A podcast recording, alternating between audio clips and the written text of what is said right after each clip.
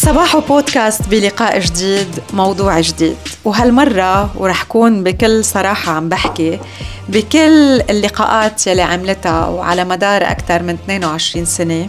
هيدا أول مرة بتطرق للقاء بهيدا الموضوع.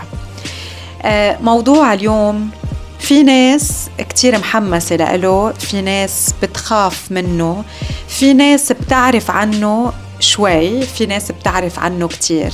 بس الأكيد إنه هيدا الموضوع هو إنساني بحث واللي عم نحكي عنه اليوم هو زراعة الأعضاء والتبرع بالأعضاء والأنسجة البشرية شو هي آه هذه الفكرة؟ آه كيف بلشت؟ اليوم مين هو المستفيد الأكبر؟ وكيف اليوم قادر الإنسان آه الحي وغير الحي إنه يتبرع بأعضاء وبأنسجة لحتى يساعد إنسان آخر بحاجة إنه يدق قلبه للحياة. موضوع آه بتمنى إنه آه الكل اليوم يكون عم بيتابعنا بقلب وبعقل منفتح وبيمكن آه بقبول لحتى ناخد قرارات نحن وعلى قيد الحياة بتقدر إنه تساعد أشخاص بحاجة يبقوا على قيد الحياة. ضيوفنا رح بيكونوا دكتور علي العبيدلي رئيس اللجنة الوطنية لبرنامج التبرع وزراعة الأعضاء والأنسجة البشرية. وطبعا لقائنا اليوم هو تزامنا مع المؤتمر الدولي لمبادرات التبرع وزراعة الأعضاء والأنسجة البشرية. يلي عم بصير من 7 ولغاية 9 نوفمبر بأدنك واللي عم بيعرض قصص نجاحات عم بيعطي تفسير أكثر عن موضوع التبرع وزراعة الأعضاء وأيضا عم بخبر قصص أطفال تم التبرع لهم بأعضاء رسموا حياتهم على لوحات.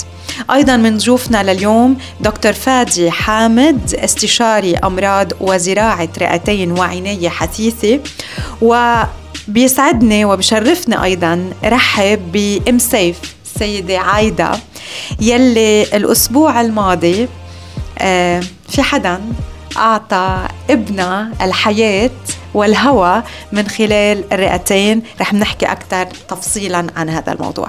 بالبداية رح بلش معك دكتور علي العبيدلي رئيس اللجنة الوطنية لبرنامج التبرع وزراعة الأعضاء والأنسجة البشرية. أهلا وسهلا فيك.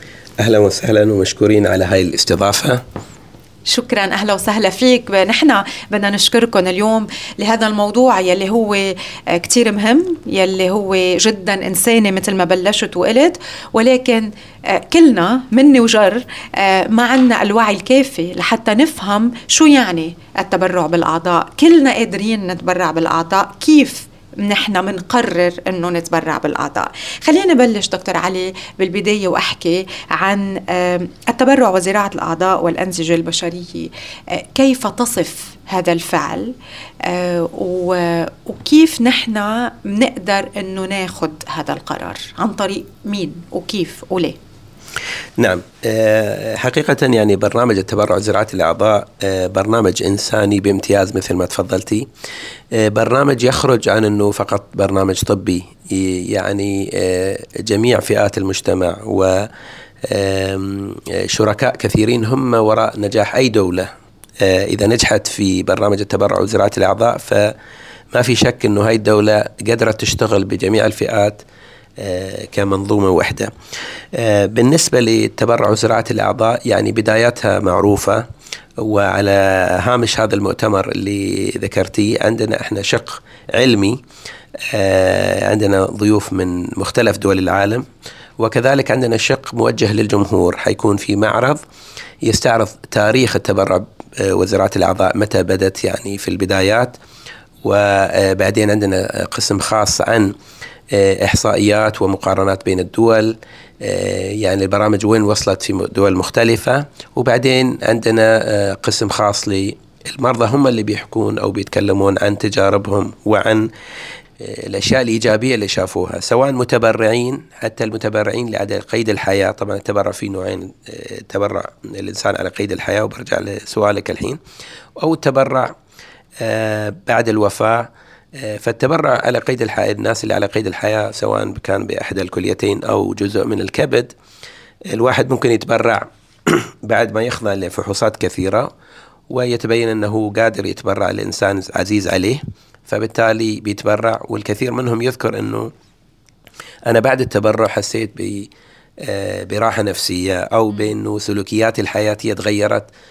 فصرت أنا أحرص على صحتي بشكل أكبر. فالناس تذكر إيجابيات أصلا التبرع وهم على قيد الحياة. يقدر نعم. آه، جسمه أكثر ويقدر صحته أكثر نعم. نعم. والشيء الآخر بيكون التبرع بعد الوفاة. التبرع بعد الوفاة يمكن هي تنطبق على نسبة بسيطة جدا من المتوفين. يمكن الواحد بيتخيل أنه كل واحد بيقدر يتبرع. وهذا غير صحيح يمكن واحد أو اثنين بالمية المتبرع, نعم. المتبرع يمكن يكون شخص الظروف والطريقة اللي يعني فقد حياته ممكن بتخلي الأعضاء في جسمه صالحة لاستخدام الآخرين. إذا الإنسان أبدى رغبته في حياته أنه لا سمح الله إذا توفى بيحب أنه يتبرع فبالطريقة هذه سهل على ذويه أو أسرته أنهم يأخذ عنهم عبء اتخاذ القرار. فإبداء الرغبة في التبرع هذا شيء كل الدول بتحث أنه إحنا نبدي الرغبة. آه، إبداء الرغبة في التبرع لها فائدتين الفائدة المباشرة أنه لا سمح الله إذا كان هو من الواحد بالمية اللي رب العالمين كتب له أنه يتوفى بالطريقة هذه فإذا بقية أفراد الأسرة والأصدقاء بيقدروا يحترم رغبته ويتبرعوا نعم. الفائدة الغير مباشرة أنه هذه الإبداء الرغبة هذه رسالة للمجتمع أنه نحن ندعم آه، ونقدر المتبرعين بالأعضاء لأنهم فعلا يمارسون يعني آه، أعلى درجات التعايش والتضامن آه، ويعني التولرنس الإنسانية. الإنسانية نعم.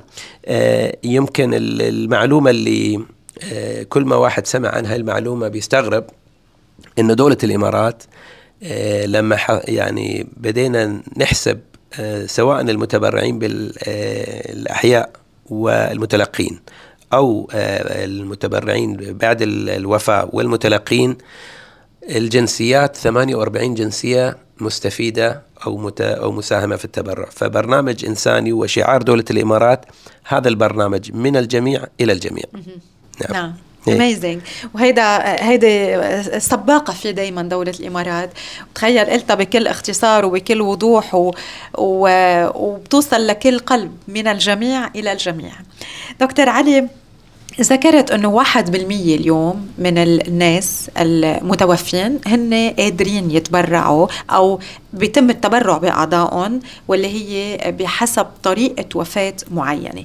يعني اليوم إذا أي شخص آه أبدى رغبته بأنه هو حابب يتبرع بأعضاء من بعد الوفاة. هيدا ما بيعني إنه مية بالمية رح بيتم التبرع بالأعضاء لأنه في حالات معينة لازم تتم فيها الوفاة لحتى يقدر يتبرع بالأعضاء صح؟ 100% صحيح. يعني إذا إذا الواحد احصائيا وقع آه، وإذا كان رب العالمين اختاره أنه هو كان من الوفيات إذا واحد بالمية منهم بيقدر يتبرع وتسعة وتسعين بالمية ما بيقدروا لأنه هاي طبيعة الوفاة أنه الإنسان يعني فقد حياته لكن هو فقد حياته في مكان قريب من المستشفى فالأعضاء الباقية يعني, ما هي الحالات يلي هي قابلة للتبرع؟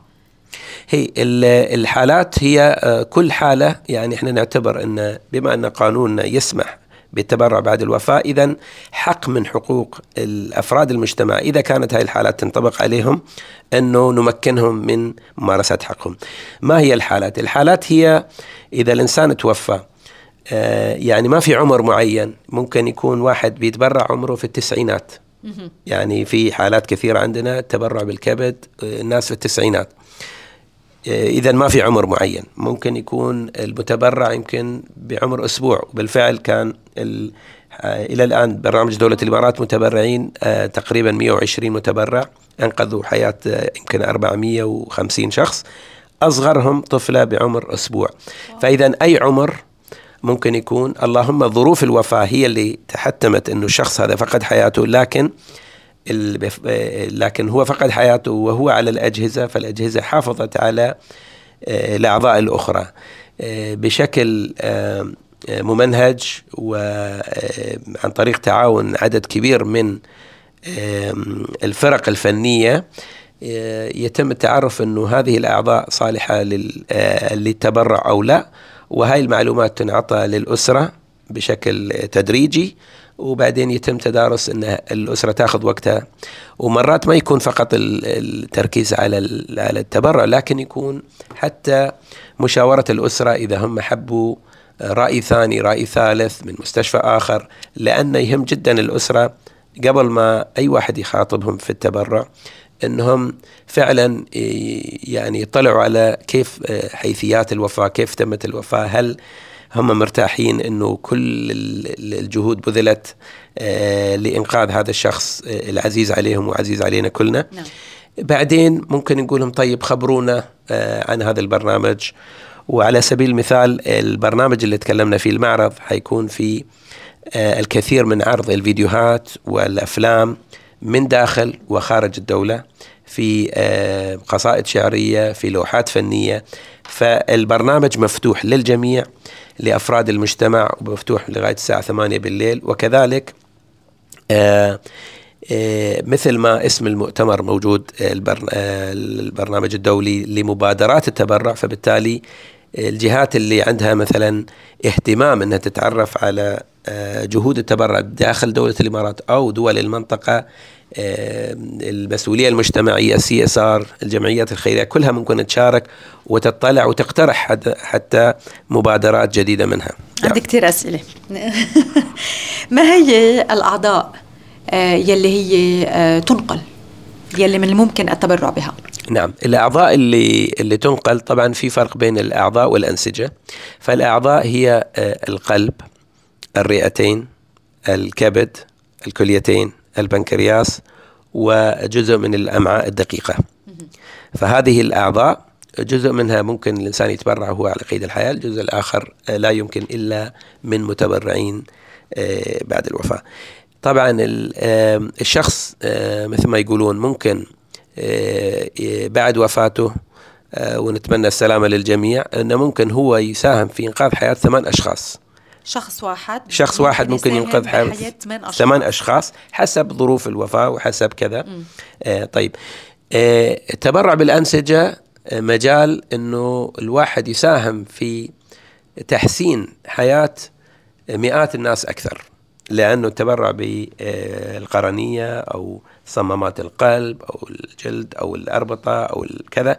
فمجال يمكن في الفترة الأخيرة صار أنه يعني في حديث إنه يعني عمل الخير أو آه، التبرع وإنقاذ حياة الآخرين أو تحسين حياتهم آه، في السابق كان آه، أنا ببني مدرسة أنا بعمل شيء خيري لكن إنه الإنسان يحافظ على حياة الآخرين بأي طريقة يعني العلماء يعتبروها صدقة جارية. ومثال يعني رمز رمز مضيء للتآخي الإنساني بين البشرية. آه، هل العضو لما لما شخص بيكون قايل من قبل إنه هو بده يتبرع بأعضائه أو العيلة وافقت على التبرع بأعضاء آه، الشخص المتوفي هل الأعضاء لازم تنقل مباشرة إلى المريض يلي هو بحاجة لها أو من الممكن أنه يتم آه، حفظها أو آه، نقلها نعم. آه، بالنسبة هنا فرق في بين الأعضاء والأنسجة. الأنسجة ممكن تحفظ فترات أطول لغاية الاستخدام. القرنية على سبيل المثال يعني غاية أسبوعين وكل ما كانت أبكر أفضل حفظ القرنيات. لكن الأعضاء يجب أن تزرع بأسرع وقت مع أن في ابتكارات جديدة تسمح ب نقل هذا العضو في السابق كان لازم تنقل العضو وهو مبرد بين دول قريبة من بعض. نعم. فصارت تبادل زراعة الأعضاء. يمكن يكون هذه الدولة خلينا نقول على سبيل المثال في متبرع بخمس أعضاء. هذا الإنسان صار بطل أن أنقذ حياة خمس أشخاص. لكن بعض الأعضاء يمكن ما في متلقين مناسبين فبالتالي يتم تفعيل التبادل والدولة المجاورة ممكن تحصل على الكبد أو القلب أو الرئتين حسب الحاجة الماسة في الطرف الآخر. في السابق كان لازم الدول المجاورة تتعاون فيما بينها. حاليا بفضل الابتكارات الابتكارات والإنوفيشنز اللي هي يعني عنوان الطب في هذه المرحلة. ففي أجهزة بدل ما الأعضاء اللي بعد الاستئصال تكون مبردة والوقت الكافي أنه تحافظ على آه، سلامتها تكون محدودة. فصارت هاي الأجهزة بتمكن دول يمكن بعيدة بالطيران يمكن 20 ساعة. وفي حالات أن نقلت الرئتين من بلد إلى بلد بالطيارة يمكن بعيدة 20 ساعة. فهذه فتحت ال ال لما نتكلم إحنا عن العولمة وال والمجالات الثانية اللي موجودة العالم أصبح قرية صغيرة. نعم. فحتى في مجال التبرع وزراعة الأعضاء صار بالفعل ممكن دولتين آه، يتعاونون وهم آلاف الكيلومترات فيما بينهم بفضل هذه الابتكارات. وهذه بتؤدي إلى أن الدول ممكن يكون عندها آه، يمكن العائلة اللي قررت تتبرع يمكن إكرام المتبرع هذا اللي أبدى رغبته في التبرع أو أسرته يعني بشكل غير مباشر استشفوا إنه هذا الشخص كان دائما بيحب الخير وأكيد كان حيتبرع. فمن آه، من أكبر المساهمات العوائل يهمهم جدا إذا إذا ابننا ولا بنتنا ولا كبيرنا ولا صغيرنا تبرع. هل هو أنقذ حياة شخص شخصين ولا أربعة ولا خمسة ولا ثمانية؟ فلما يكون في تعاون بين الدول بيساعد إنه إنقاذ حياة الأفراد سواء كانوا في نفس الدولة أو دولة بعيدة. وفي المقابل يمكن بيصير يكون مرات يكون في حالات مستعجلة وإحنا بأمس الحاجة لأنه شخص عنده فشل كبد نعم. وما عنده الوقت. يمكن هذا لازم خلال يومين أو ثلاثة بيحصل لأنه في أنواع من فشل الكبد في الحاد وفي المزمن. فالحاد إحنا بحاجة إلى زراعة كبد بشكل عاجل جدا. إذا كان في تعاون بيننا وبين دولة أخرى وإحنا وصلنا لهم كم من كبد لما إحنا بنحتاج كذلك هم ممكن يتحركوا ويوصلونا لمريضنا. تبادل نعم. بالموضوع. نعم. طيب آه وتكامل نعم. دكتور علي آه هل جميع الأعضاء آه إذا ما كانت على المشين مثل ما ذكرت حضرتك بحالات وفاة معينة هل جميع الأعضاء بنفس يعني آه، بتموت بنفس الطريقة؟ أو مثلا ممكن شخص يتبرع ببعض الأعضاء بحالات وفاة معينة آه، وبأعضاء أخرى بحالات أخرى؟ نعم. هنا يمكن في إحصائية نذكرها أن صحيح إحنا قلنا آه، بشكل عام المتبرع الواحد ممكن يساهم في حياة ثمان أشخاص. لكن في متوسط. فالمتوسط العالمي أنه يعتمد على عمر السكان وظروف الوفاة إلى آخره. فالمتوسط في مختلف دول العالم يعني الدول اللي إنجازاتها عالية بتكون ثلاثة ثلاثة ونص. فدولة الإمارات يمكن صحيح أن أعداد التبرع بدأت تزيد خصوصا آخر سنتين وهذا انعكاس لثقافة المجتمع. آه لكن ال average أو المتوسط إنه الشخص بينقذ حياة كم شخص في الإمارات كانت الأعلى. آه. اللي المتبرع الواحد أنقذ حياة أكبر عدد ال average يعني قريب الاربعه نعم. ال average نعم. أنت ذكرتي سؤال مهم جدا. شو الظروف أو شو أسباب الوفيات اللي بتخلي عدد أكبر من آه، الأعضاء تكون صالحة؟ هي معتمدة على عدة عوامل. أول شيء الجانب المرتبط بالمتبرع نفسه. ممكن يكون عمر المتبرع يحكم هل عدد أكبر من الأعضاء صالحة أو أقل أه ولو إنه مش شرط يعني لأنه ممكن البعض يكون كبير في السن لكن معظم اعضائه تكون سليمة أه بشكل كبير نعم. جدا. نعم. رقم اثنين أسباب الوفيات. فسبب الوفاة ممكن يكون بعض أسباب الوفيات بتخلي الأعضاء تفقد خاصيتها لدرجة إن إحنا عندنا في علم تخصص الكلى على سبيل المثال عندنا score معين اللي بنسميها ال KDPI أو ال index اللي بيبين إنه الأعضاء هذه آه، سليمة نعم. بشكل كبير. هنا في مبدئين لتوزيع الأعضاء. مبدئين المبدأ الأول المبدأ آه، هو ال utility clinical utility إنه هذا العضو يكون صالح للاستخدام أطول فترة ممكنة فبالتالي الأطفال هم أكثر ناس متلقين للأعضاء اللي بتبين إنه هي ممكن هاي الأعضاء تعمر أكثر فترة على أساس إنه ما العضو ما يرجع يفشل بعدين يرجعوا لقائمة الانتظار وفي النقص. okay. المبدأ الآخر هو مبدأ ال equity أو مبدأ العدالة في توزيع الأعضاء. وهذا المبدأ كل ما أي دولة حافظت عليه كل ما كان جميع شرائح المجتمع حسوا أن هم شركاء في هذا البرنامج. في الكثير من المداولات عن كيفية المحافظة على المبدئين. مبدأ الاستخدام الأم الأمثل للأعضاء بحيث أن هي تعمر أكثر فترة في في كل متلقي فهذا بيمنع أنه الناس تزرع وبعدين العضو بيفشل وبعدين بيزرع مرة أخرى وكذا نعم. والمبدأ الثاني العدالة في التوزيع وهذه طبعا مرتبطة بعوامل مختلفة لكن الدول اللي يسود فيها التأمين الطبي ودور الجمعيات الخيرية دور آه، بارز الدولة هذه بيكون مهمتها أسهل لأنه في تكامل بين شركات التأمين وبين آه، الجهات الخيرية فبالتالي كل ما كان في حرص على التوزيع العادل في الأعضاء كل ما كان جميع شرائح المجتمع شاركت في هذا البرنامج الإنساني فتكون طبعا تنعكس على إحصائيات هذه الدولة أن كانت من أفضل الدول من ناحية نسبة التبرع لكل مليون نسمة. وهذه طريقة مناسبة أن الدول تقاس حسب التبرع لكل مليون نسمة. فبالتالي حجم الدولة آه، آه، تختفي في هذه المعادلة. عندنا دولة صغيرة بحجم آه، نصف سكان الإمارات مثل كرواتيا لكن هي من أفضل أو أعلى المعدلات لأن صار في تكامل بين مختلف الجهات. أوكي. طيب دكتور علي خليني كمان هون أوضح نقطة أنه اليوم لا نفترض على سبيل المثال القلب الشخص بده يتبرع بالقلب القلب لازم يكون لازم تكون الوفاة بحالة معينة أوكي؟ والقلب بعده عم بيشتغل على الأجهزة. لنفترض العين أو القرنية. نعم.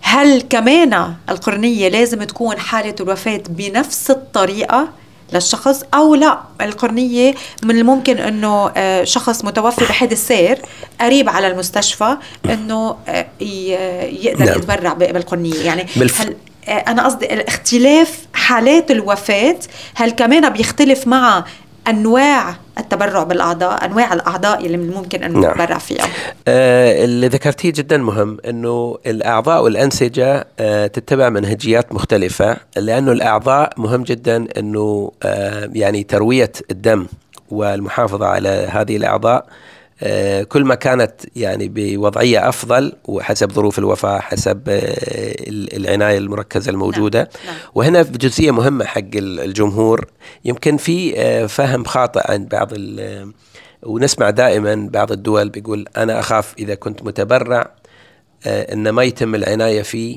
في صحتي على أساس أصير متبرع مع إنه هذا غير صحيح والعكس هو الصحيح أصلا حدا بيعرف إنه متبرع إيه لا أنا قصدي حتى لو عرفوا. آه أوكي. إيه كل ما كانت العناية الطبية فائقة ويعني العناية الطبية ممتازة هذه الجهود يا إنه بتحافظ على صحة الشخص وبتحاول تنقذه من وضع من الوضع الحرج اللي هو كان فيه سواء كان حادث غرق أو سيارة أو سكتة قلبية وكذا فالعناية تكون آه يعني ممتازة. آه، سواء لإنقاذ حياته أو أنه الأعضاء حتكون فبالتالي إبداء الرغبة آه، حيساعد أصلا الدول اللي يعني تتبنى منظومة التبرع بالأعضاء بتكون حريصة على صحة الجمهور سواء لإنقاذ حياتهم أو إنه أكبر عدد آه، بيصير متبرع. الحين نرجع لسؤالك بالنسبة شو الفرق بين الأعضاء والأنسجة؟ بالفعل يعني يعني الأنسجة آه، شريحة المتبرعين المحتملين من الأنسجة أكبر بكبير بشكل كبير جدا من الأعضاء. آه، اللهم هذا يرجع لتعرف الجمهور على آه، يعني في مفاهيم جدا يعني متعارف عليها وحرص شديد من الفريق الطبي. وهذا الفريق الطبي فريق جدا كبير يعني من جراحين متخصصين مختلف الجهات اللوجستية آه، النقل كذا. ففي حرص شديد جدا على آه، عدم المس مثلا بالجثمان من ناحية الواحد ممكن يفكر يكون في تشويه للجثمان أو طريقة يعني استئصال الأنسجة. فلا بالفعل الأنسجة آه، هي مجالها للتبرع جدا أكبر. وممكن يكون في حالات غير مناسبة للتبرع بالأعضاء لكن مناسبة جدا للتبرع بالقرنيات و التبرع بالأنسجة الأخرى. وعلى سبيل آه، يعني الذكر آه، عندنا بتكون في المعرض عرض إحصائيات عالمية عن مدى الحاجة إلى زراعة القرنيات. حنتعرف مع بعض في القسم المخصص للجمهور والدعوة عامة للجميع يشوفون إحصائيات الدول ويشوفون الديماند أو النقص في القرنيات. بنشوف أنه كيف آه، تبرع آه، يمكن آه، البعض اللي يعني موافق مع التبرع يشوف أنه هو ما خسر شيء لكن هو ساهم أنه الإنسان ملايين الناس يمكن تحتاج يعني تستفيد للقرنيات وتحتاج تبصر وتحتاج كذا ممكن إنقاذ حياتهم والمساهمة في تطوير وتحسين جودة حياتهم. يعني هون مرة جديدة آه، دعوة لكل يلي عم يتابعونا لحتى آه، يزوروا آه، طبعا المؤتمر الدولي لمبادرات التبرع وزراعة الأعضاء والأنسجة البشرية من 7 ولغاية 9 نوفمبر بأدنك. وبنفس الوقت كمان رح بتقدروا تتعرفوا أكثر على برنامج حياة واللي من خلاله اليوم الأشخاص بيقدروا يسجلوا للتبرع بالأعضاء بعد الوفاة. ممتاز. إحنا اللي بنقول فيما يخص دائما يسألونا برنامج حياة أنتم كم واحد سجلتوا؟ كيف البرنامج؟ من انطلق؟ إحنا آه نريد هني نبين منهجية معينة في دولة الإمارات تم يعني آه توافق عليها إنه إحنا نريد نتائج قبل ما نروح بشكل كبير للجمهور. وهذه النقطة الحين وصلنا لها. يعني آه المؤتمر والمعرض حيكون بداية حملة وطنية ممنهجة لشقين. الشق الأول هو الوقاية من أمراض الفشل العضوي. فإذا صحة الجمهور صحة الجميع أولوية فبالتالي جهود الوقاية من أمراض الفشل لازم يعني تكون متوافقة ومتلازمة مع جهود التوعية بالبرنامج الوطني. نعم. فدولة الإمارات كانت حريصة أنه يكون في نتائج آه، لعرضها على الجمهور. إحنا إلى الآن من 2017 كان في ثلاث متبرعين بعد الوفاة أنقذوا حياة 11 شخص. السنة هذه وإلى الآن 2022 عندنا 47 شخص ساهموا في إنقاذ حياة 167 شخص. والبرنامج في تطور. هذا هو الوقت المناسب بحسب التنسيق بين آه، البرنامج الوطني وجميع آه، المكونات الستيك هولدرز والشركاء. إنه هذا الوقت المناسب إنه ننقل هذا البرنامج للجمهور. فعلى هامش آه، المعرض حيتم التعريف ببرنامج حياة وبشقه الوقائي وتوزيع كتب مجانية بلغات مختلفة يمكن في بعض الكتب موجودة ب 40 لغة بتكون مجانية التوزيع.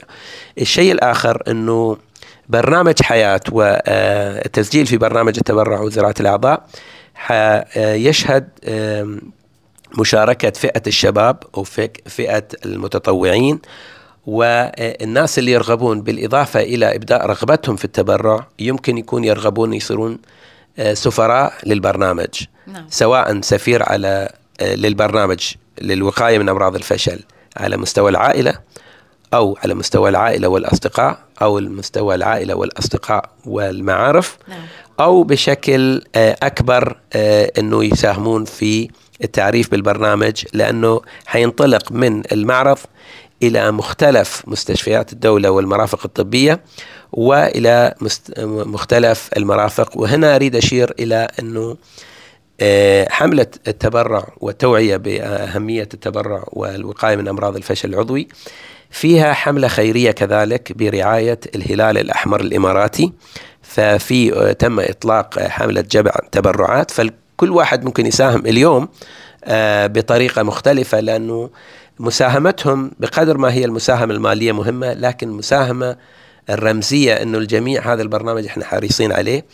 حملة الهلال الأحمر منسقة جدا مع آه، ماراثون زايد الخيري آه، اللي حيكون بتاريخ 19 نوفمبر. وحملات أخرى فبالتالي في حملة خيرية متزامنة. وكذلك طبعا في جهات أخرى خيرية ترغب في التعرف على البرنامج. كان في مبادرة إلى الآن قائمة مع مؤسسة آه، المساهمات المجتمعية معا. والكثير من الجهات اللي حتشتغل مع بعض يدا بيد للتعرف على مبادرات ممكن إطلاقها في دولة الإمارات.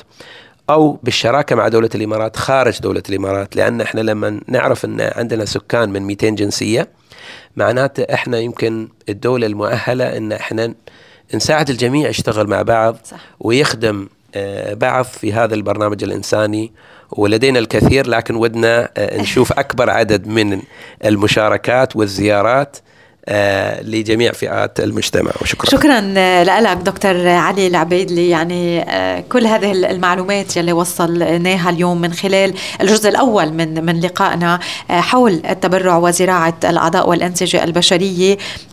شكرا لكل يلي أضفته إلى إلى هذا اللقاء. ومرة جديدة ندعو الجميع لزيارة أكيد المؤتمر الدولي لمبادرة التبرع وزراعة الأعضاء والأنسجة البشرية المستمر مستمر لغاية 9 نوفمبر لأنه لما الواحد بيصير عنده وعي أكثر لما الواحد بيفهم شو هي القصة آه وكيف هو الموضوع بصير آه أسهل عليه إنه ياخذ القرار.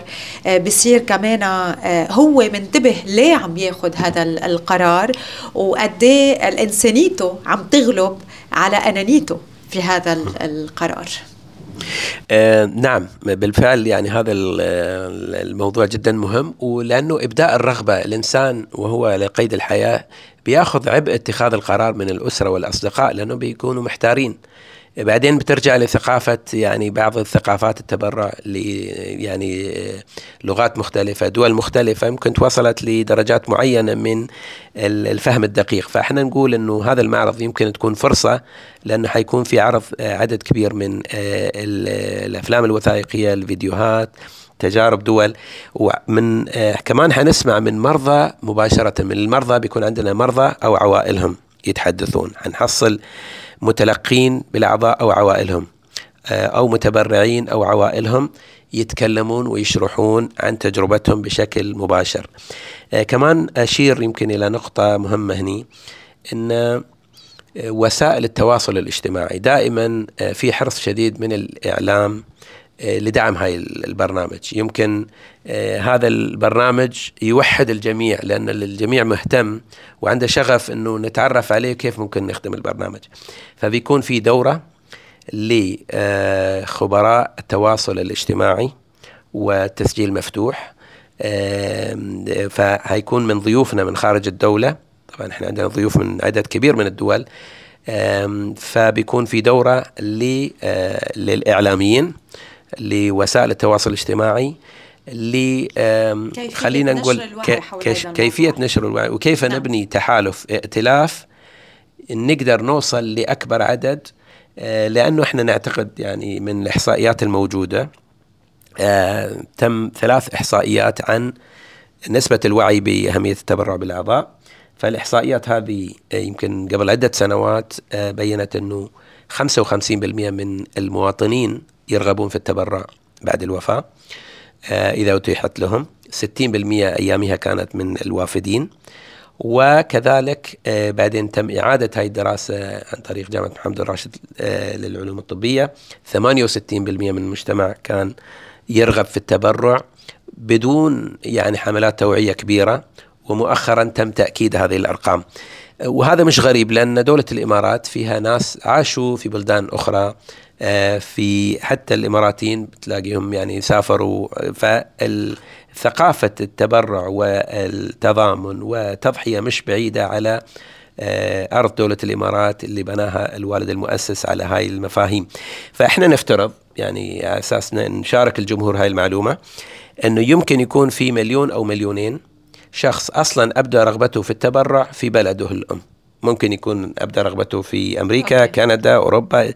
فالحملة الوطنية بتكون آه، موجودة في جميع اللغات وجميع الجاليات للتعرف على هذول الناس اللي أصلا هم آه، يتعرفون لأن دائما يجوا ناس يقولوا إحنا انتقلنا إلى الامارات هل في طريقة للتسجيل؟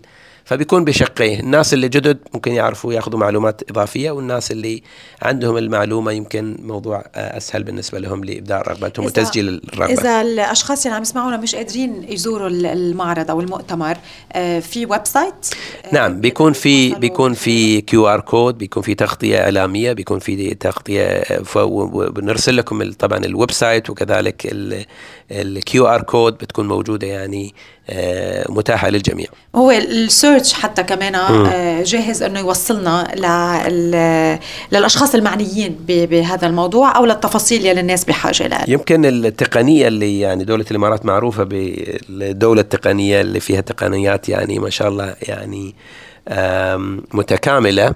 فصار بفعل هذه الشراكة آه، الشخص ممكن آه، على عن طريق يستخدم آه، رقم بطاقة الهوية الإماراتية وتاريخ الميلاد تلقائيا كل معلوماته بتكون موجودة. الشخص في خلال أقل من دقيقة ممكن يقول أنا أبديت رغبتي في التبرع لا سمح الله إذا توفيت. فبالتالي يبدي هاي الرغبة ويسجلها.